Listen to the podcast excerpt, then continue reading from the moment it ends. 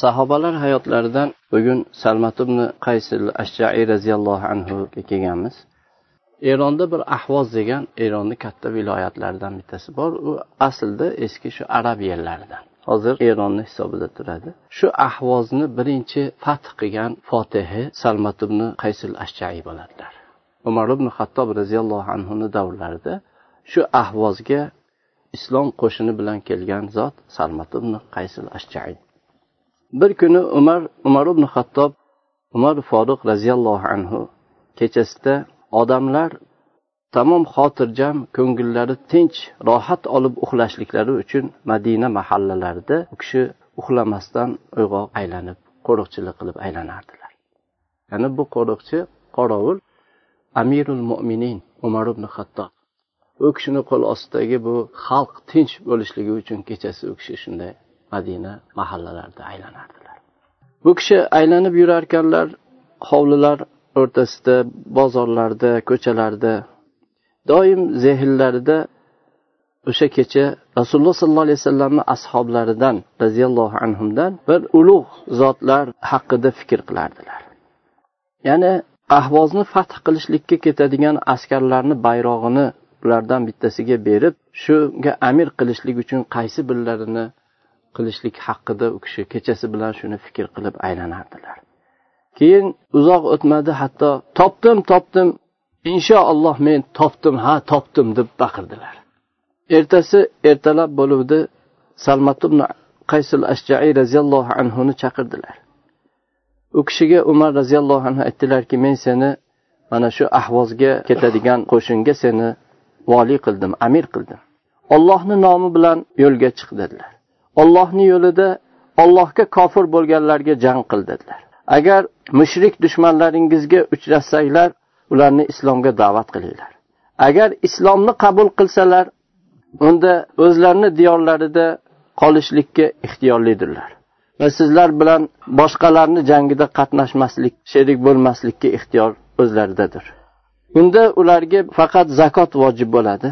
O'ljada ularga bu jangda qatnashmaganliklari uchun o'ljadan nasiba bo'lmaydi dedilar. Ammo agar ular sizlar bilan birga jangda qatnashishlikni ixtiyor qilsalar sizlarga nima haq huquq bo'lsa ularga ham shunday bo'ladi. Sizlarda nima vazifa bajarishingiz kerak bo'lgan narsa bo'lsa ularga ham xuddi shunday bo'ladi dedilar. Agar islomni qabul qilishdan bosh tortsalar unda ularni jizya berishlikka chaqiringlar. Va ular jizya bersalar unda ularni o'z holatiga tark qilinglar tashlab qo'yinglar. Va ularni dushmanlaridan himoya qilinglar. Ular toqat qilolmaydigan narsani ularga majburlamanglar ya'ni jizya berarkan toqatlari yetmaydigan mashaqqatga soladiganni taklif qilmanglar. Agar bunga ham unamasalar jizya berishga ham unamasalar unda jang qilinglar. Alloh taolo sizlarni ularga g'olib qiladi olloh yordam beradi dedilar. Shunda ular biror bir qo'rg'on qal'a bilan himoyalanib olsalar keyin endi bizni haqqimizda ollohni hukmi rasulini hukmi nima bo'lsa shu hukmga tushamiz deb shu ollohni rasulini hukmiga tushishlikni sizlardan talab qilsalar ulardan bu talabni qabul qilmanglar. Chunki ularni haqida olloh nima hukm qilishligini bilmaysizlar. Rasulini hukmi nimaligini bilmaysizlar dedilar. Agar jangda ularga g'olib bo'lib zafar qozonsanglar haddinglardan oshmanglar. Ya'ni ularga tajovuz qilmanglar. Xiyonat qilmanglar. Musla qilmanglar. Yosh bolalarni o'ldirmanglar dedilar. Salmat ibn qaysul ashjaiy roziyallohu anhu xo'p bo'ladi ya amiral mo'minin dedilar. Umar roziyallohu anhu qaynoq vidolashdilar va qo'llarini mahkam qisdilar va allohga iltijo qilib u kishini haqlariga duo qilib kuzatdilar. Chunki salmat ibn qaysul ashjaiyning zimmalariga yuklangan bu vazifani nihoyatda katta ekanligini umar yaxshi bilar edilar. Va u kishini askarlariga yuklangan bu vazifa chunki ahvoz degani tog'lar ichidagi mintaqa edi.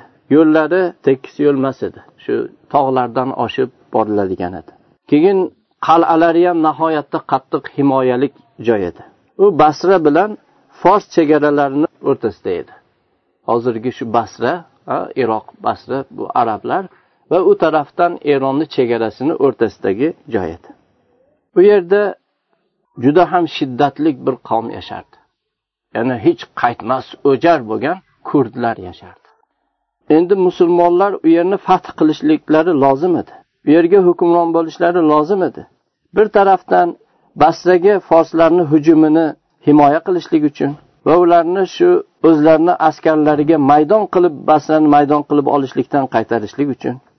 Va iroq xalqi amonligi ularni salomatligi xatarga uchramasligi uchun u yerni musulmonlar olishlari ilojsiz edi salmat ibn qays olloh yo'lidagi bu g'azotga chiqqan askarlarga yetakchi bo'lib u kishi ketdilar.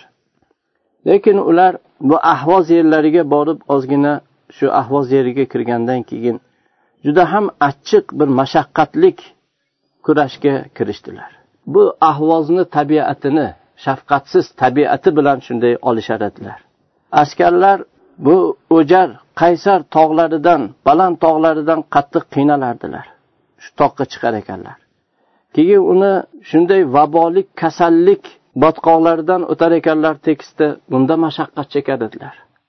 Qattol uni ilon zaharlik ilonlari bilan va zaharlik chayonlari bilan uyg'oqliklarda ham uxlaganda ham ular u bilan olishar edilar. Lekin salmat ibn qaysil ashjaiyning ruhlari shaffof mo'min ruhlari o'zini qanotini butun askarlar ustida qanotini qoqar edi. Bu azoblar ularga shirin bo'lar edi. Tashvishlar ularga juda oson bo'lar edi. Ularga ularni qalblarini silkitadigan larzaga soladigan mavizalar bilan salmat ibn qaysil ashjaiy ularga nasihat qilib maviza qilardilar. Ularni kechalarini qur'on atri bilan to'ldirar edilar. Ular qur'onni nuriga burkanib qur'onning gavharlari ichida suzardilar va o'zlariga yetayotgan mashaqqat qiyinchiliklarni esdan chiqarardilar. Salmat ibn qays musulmonlar xalifasi umar ibn xattob roziyallohu anhuni buyruqlariga itoat qildilar. Ahvoz ahliga uchrasharkanlar ularga islom diniga kirishlikni taklif qildilar.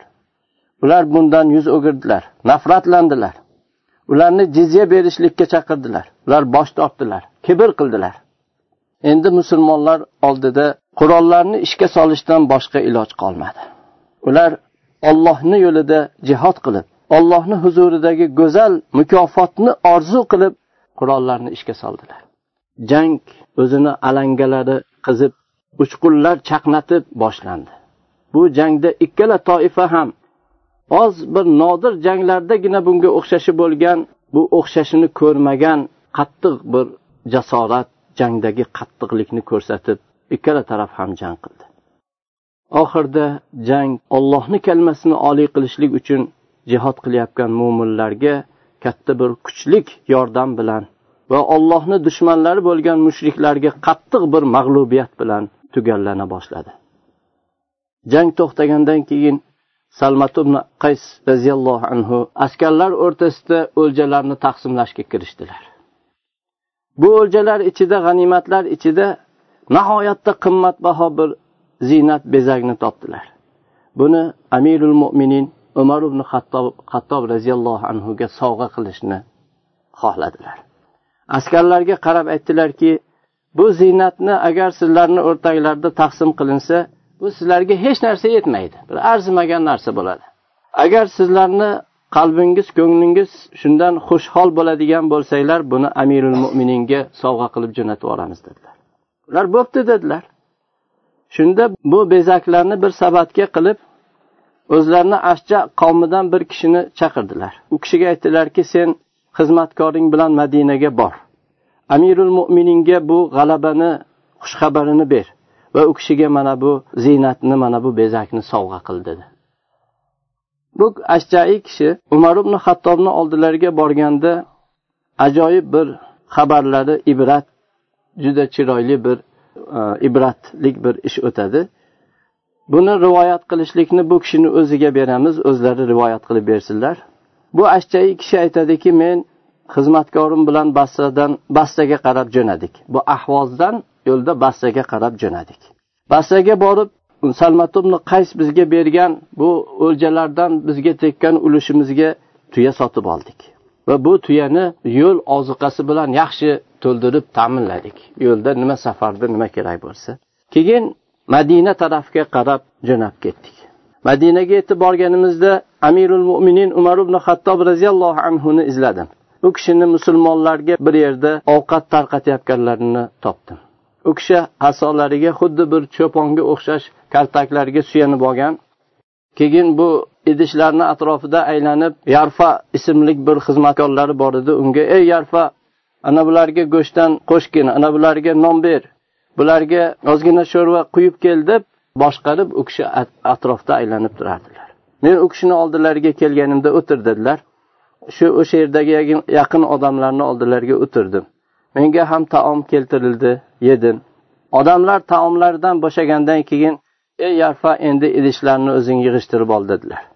Keyin u kishi ketdilar men ham ergashib bordim. Umar roziyallohu anhu uylariga kirganlarida ruxsat so'radim menga ruxsat berildi. Kirsam u kishi bir kigiz ustida o'tirgan edilar. Ichiga xurmo po'stlog'i to'ldirilgan teri yostiqqa suyangan edilar. Uni bittasini menga tashladilar men ham unga o'tirdim.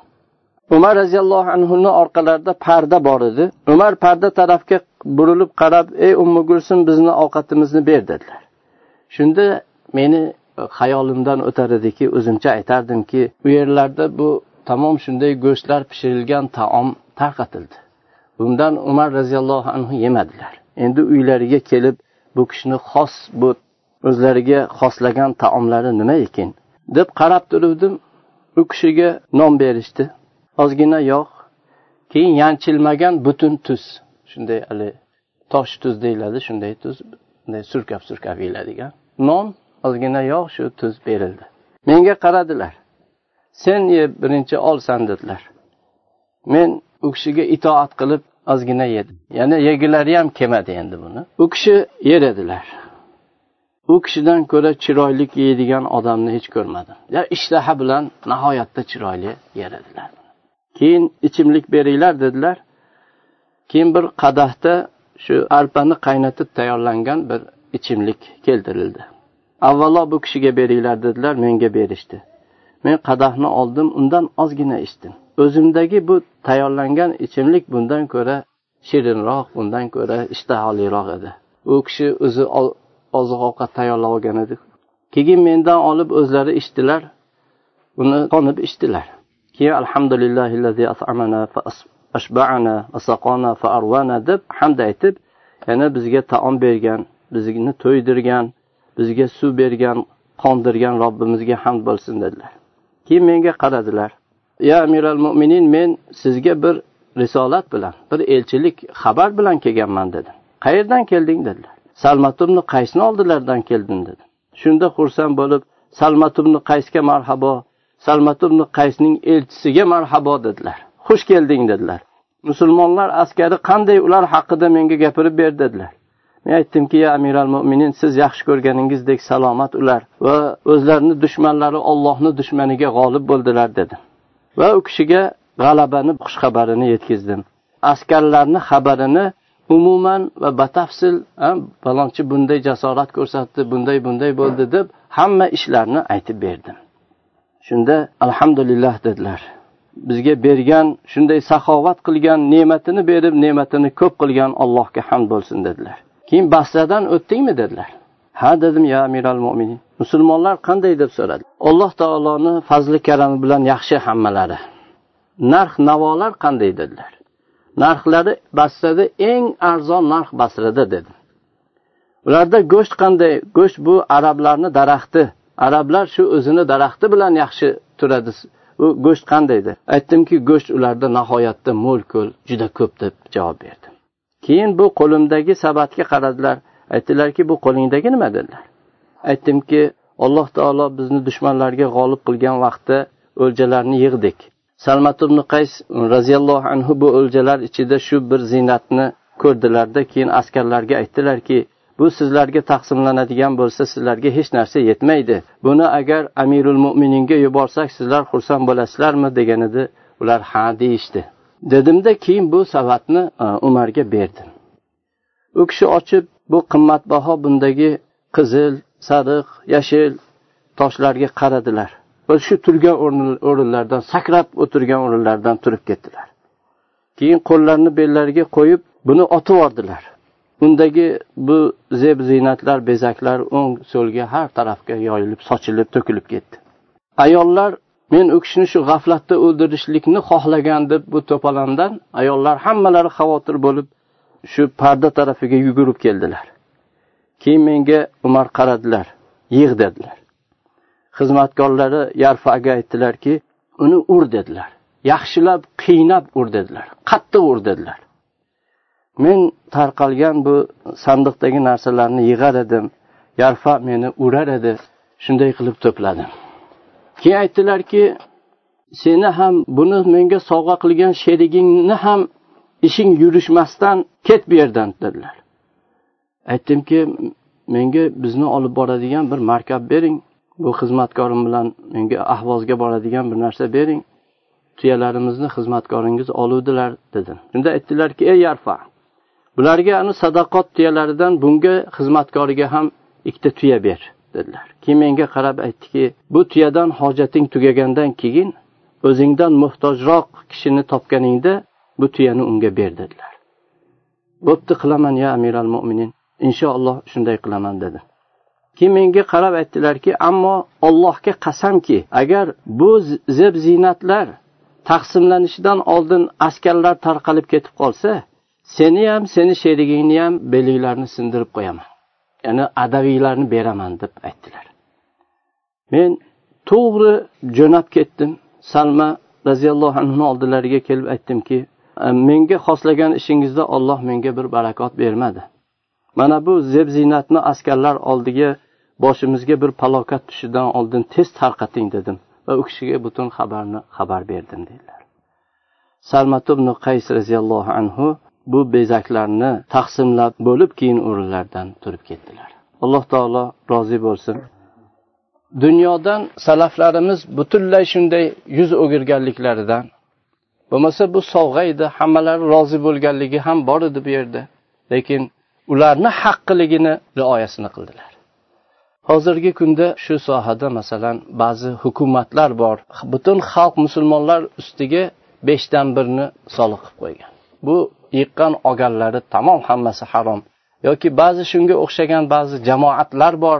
Ular ham shu beshdan bir butun o'zlarini a'zolariga majburlab qo'ygan bu hech bir islomda asosi yo'q u olib yeyotganlari hammasi ularga harom bo'ladi alloh subhanava taolo ashobi ikromlardan olloh rozi bo'lsin ularni olloh rozi qilsin o'zini keng jannatlarda alloh ularni mukofotlarini bersin va bizga alloh taolo ularni muhabbatlarini nasib qilsin سبحانك اللهم وبحمدك أشهد أن لا إله إلا أنت أستغفرك وأتوب إليك